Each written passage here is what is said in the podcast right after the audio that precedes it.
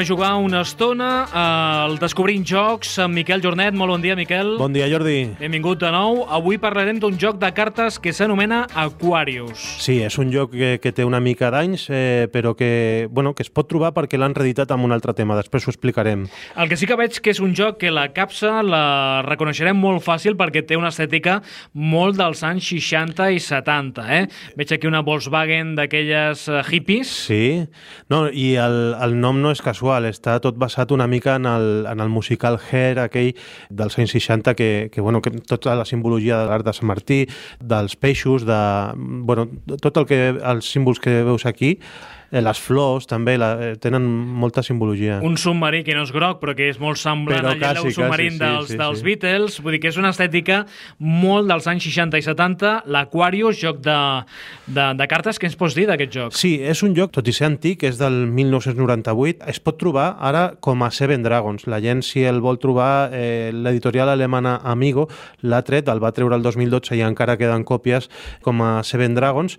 Eh, li han canviat el tema, ja no és tan hippie, ara has de fer una connexió de set dracs, però nosaltres parlem d'aquest perquè era un joc d'aquells que mm, quan començaves a jugar te l'havies d'importar dels Estats Units i, i tenia la seva conya. No?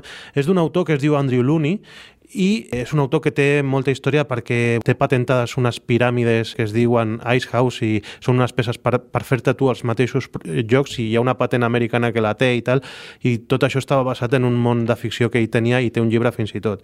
Però també, a part de treure allò, treia jocs com aquest Aquarius, no? que és un joc de 2 a 5 jugadors a partir de 5 anys d'edat perquè té una versió que ell diu per preescolars i, i o sigui, té una adaptació per nens petits i una, i una altra que és la versió normal que és per jugar amb adults, que és la que explicarem nosaltres ara, i dura 20 minuts la partida.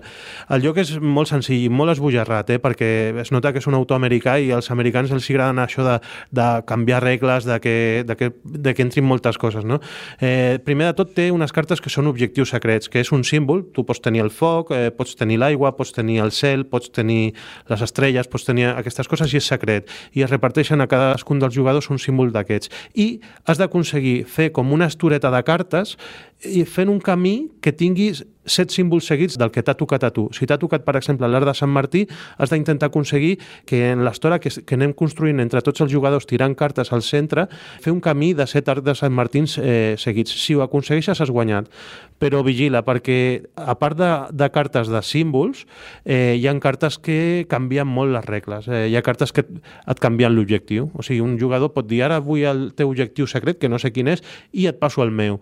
O hi ha altres cartes que tota la mà, la teva mà de cartes, la canvies amb un altre jugador. Això és típic de, dels autors americans i dels jocs americans que hi han regles molt esbojarrades i que deies, hòstia, això no agradarà aquí a Europa. Doncs eh, també a Europa, que són, sobretot els alemanys, són de jocs molt més pautats, eh, de tant en tant també tenen ganes d'un joc així de 20 minuts per passar-ho bé, que un joc que, que ho pots treure molt familiar i tal, i que no t'importi que siguis tu el més estratega per guanyar. No, aquí pot guanyar un que tingui una mica de sort i que li vinguin ben dades. No?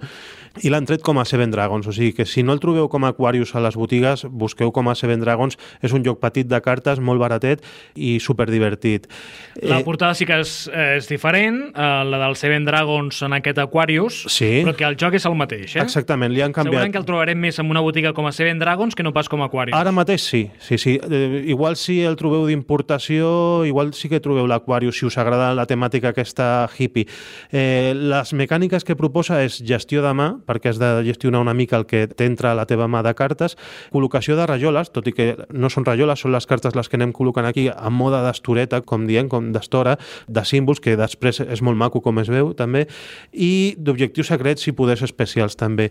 Té més estratègia de la que sembla, l'hem l'hem explicat com un joc casual, però també pots fer bloquejos, mm, bloquejar un símbol que creguis que un altre jugador el té i tal, i és un joc que, que bueno, jo quan vaig començar amb, amb la dinamització de jocs i tal, eh, jo estava fent pràctiques a, a VPK, que és eh, un, un programa d'oci nocturn alternatiu, i amb els joves els, a, el portava aquell joc a, a, allà a les nits i, i bueno, eh, teníem nits de glòria perquè reiem molt i bueno, és un joc una mica diferent.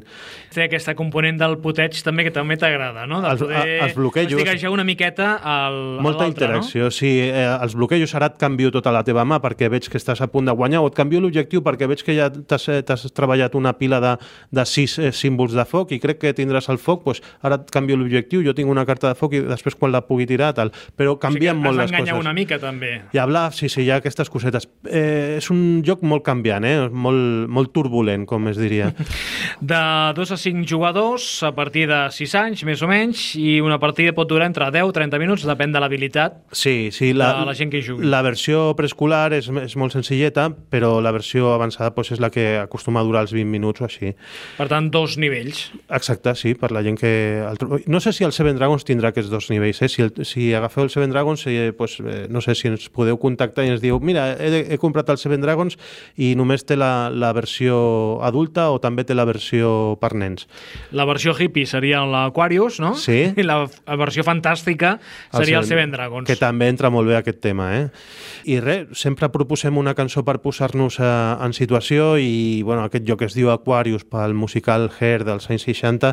Eh, als anys 80 un cantant molt conegut eh, aquí eh, va fer la seva pròpia versió una mica en anglès aquell a Patrick Handemore eh, del, de l'Aquarius, si, si vols la, la punxem. Després diem de qui es tracta el cantant, no? Alguna gent ja ho haurà endevinat. Is in the seventh house, and Jupiter aligns with Mars.